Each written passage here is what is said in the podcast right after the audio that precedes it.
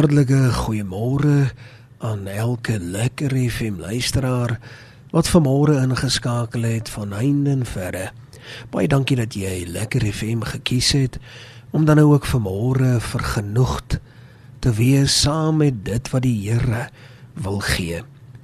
En my gebed is dat jou ywer werklik waar sal verdubbel en vertrippel. My gebed is dat jy die sake van die Here baie belangriker ag as wat enige mens dit ag. As jou vriende, as jou familie, mense rondom jou, dat mense sal dink ag nou, hoekom gaan jy so aan oor die dinge van die Here? Dat mense dink nee, wat dit is 'n bietjie 'n bietjie asof jy nou dit te ver neem. Dit is my gebed vir jou dat die Here werklik vir jou daai klas ywer sal gee.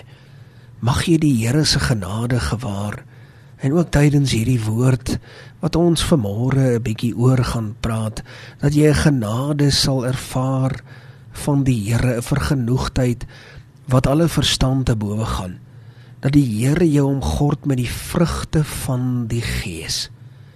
Die vrugte van die Gees daar in Galasiërs 5:22 jy weet is is is iets wat wat ons almal nodig het. En lewe dit. Jy sal hoor elke lewe program vir die laaste 6 5 6 jaar eindig ek met lewe die vrug van die gees.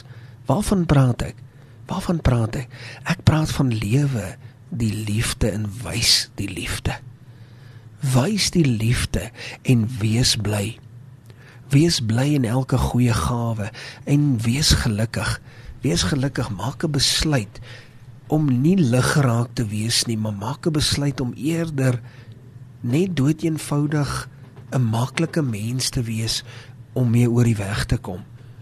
En wanneer 'n mens in daardie blydskap so leef, dan is die vrede absoluut net natuurlik, die kalmte, die rus, die rustigheid. En wanneer 'n mens so rustig is, kan mens nie anders om geduldig te wees nie. Geduld is een van die mooiste dinge op dese aarde. Geduld is as ek geduld by iemand bespeer, dan is ek onmiddellik 'n vriend van daai persoon. Ek wil ook vriende wees want geduld is mooi. Weet jy wat is die lelikste ding, liewe lekker FM luisteraar? Ongeduld. Dis die lelikste ding. Maar lankmoedigheid is is regtig besonders.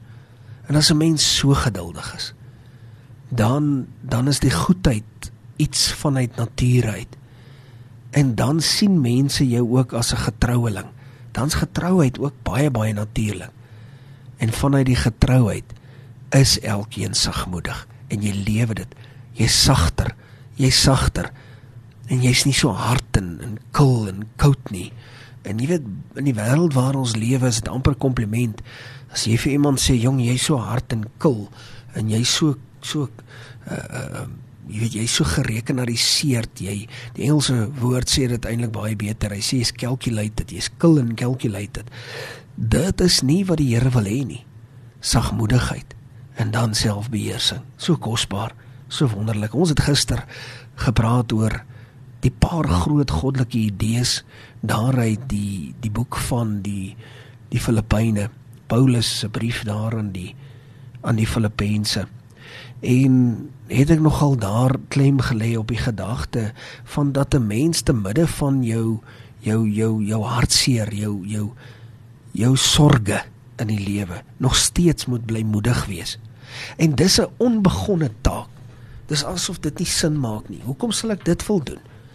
Nou kom ek sê vir jou, eh, liewe dierbare en liewe lekker FM vriend, daar is daar is 'n beloning as jy dit doen. Want onthou hoe Paulus sê dit baie duidelik. Hy sê daar is daar is 'n groot en 'n kragtige deur wat vir my oopgemaak is of wat vir my daar is, maar daar's baie teestanders.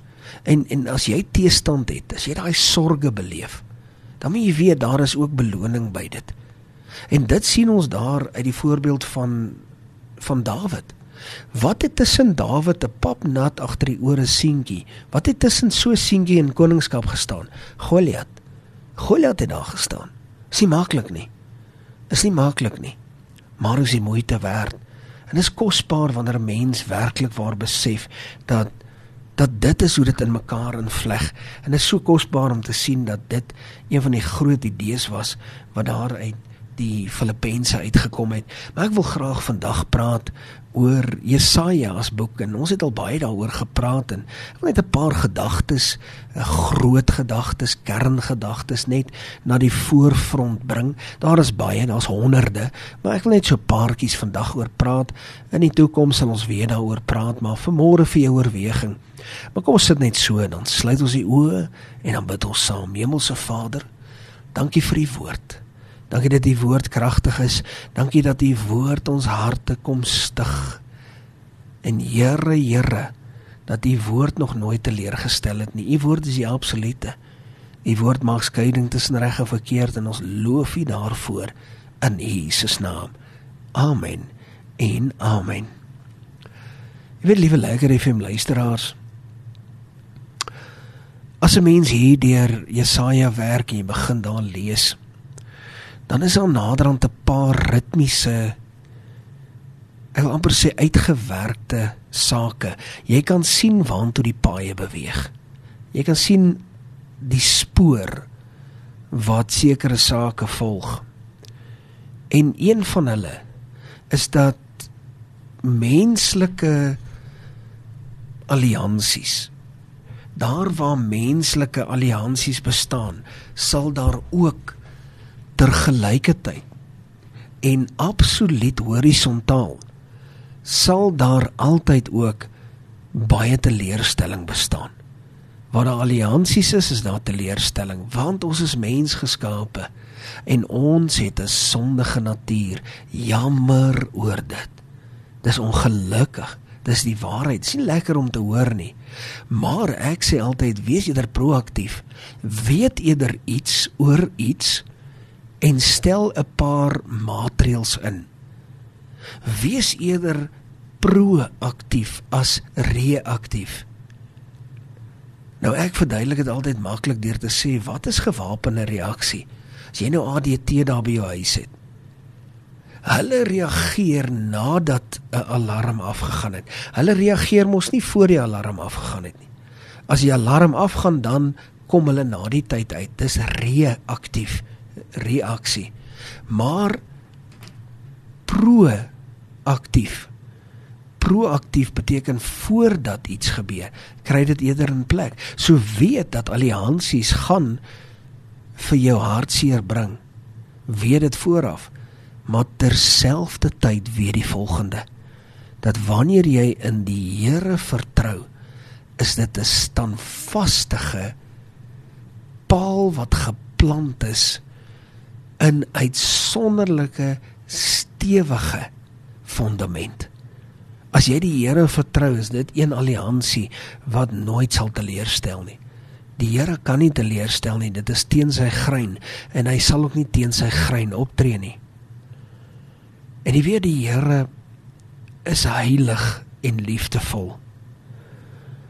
En omdat hy heilig en liefdevol is, is dit 'n moed dat die Here moet optree teenoor rebelsheid. En jy weet as as as as jy rebelsheid sien dan kry amper asof die hoendervleis op die op die bopunt van jou nek regop staan hier op jou skof. Dis asof hare regop staan vir my altans wat ook nou al vir 24 jaar in die bediening is. As ek rebel en ek sien hom van ver af, ek ry hom uit. En nou weer in hierdie jaar het ek dit weer van voor af raak gesien wat is rebellie. En rebellie is nie 'n mooi saak nie. Dit is eintlik iets wat baie verwoestend is.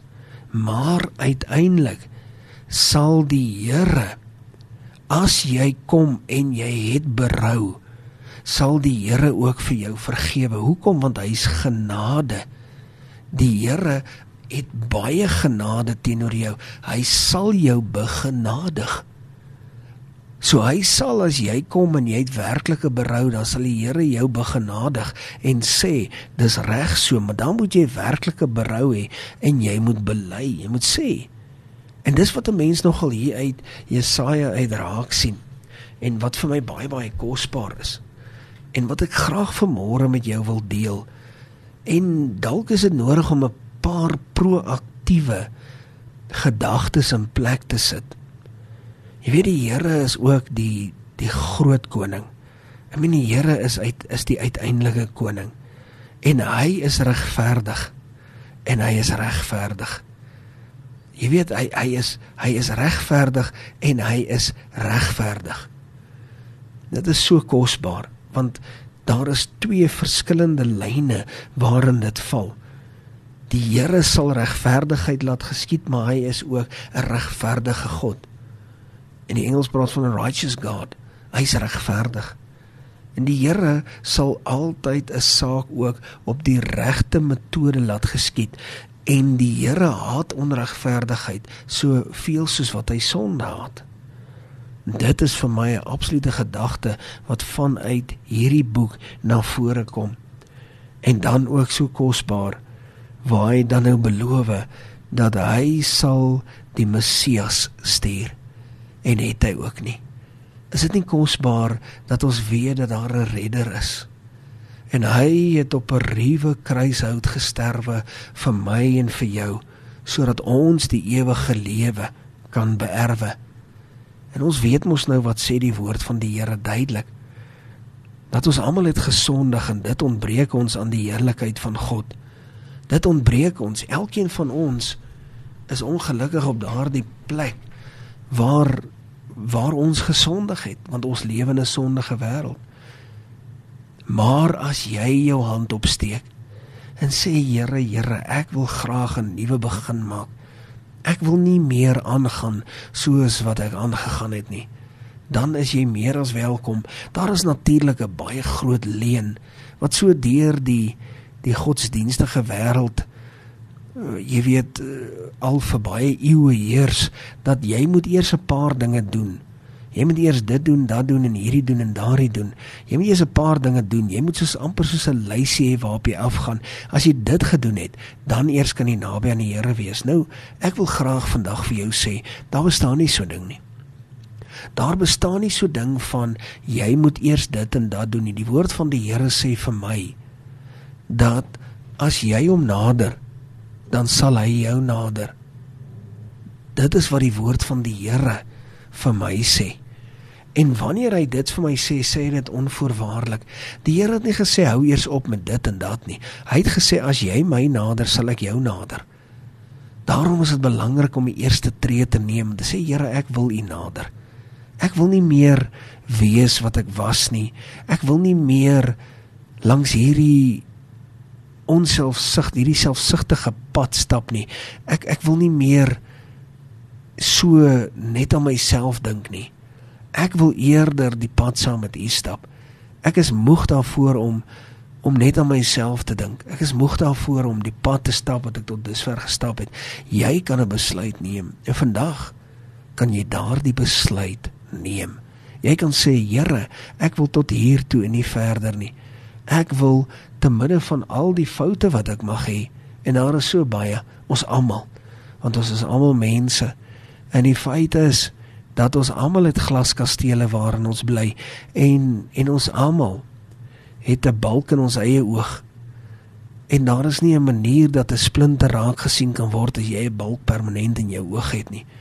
Maar as jy nou vandag gaan en sê ja, ek weet ek het ek het 'n paar foute, maar Here, ek wil U nader. Dan wil ek jou beloof, die Here sal jou nader, want hy is koning en hy het so gesê en hy is 'n waarmaker van sy woord. As hy vir jou sê dat hy jou sal nader as jy hom nader, kan jy maar weet dit is presies wat gaan gebeur. Daarom waarvoor wag jy? Doen dit vandag. Tot sover die woord van die Here. Ons sit net so. Dan sluit ons die oë en bid ons saam. Hemelse Vader, dankie dat U verandering bring. Dankie dat U die harte van elke lekker FM luisteraar stig. En Here kom en wees vir hulle 'n God van naby. Is my gebed in Jesus kosbare naam. Amen. En amen.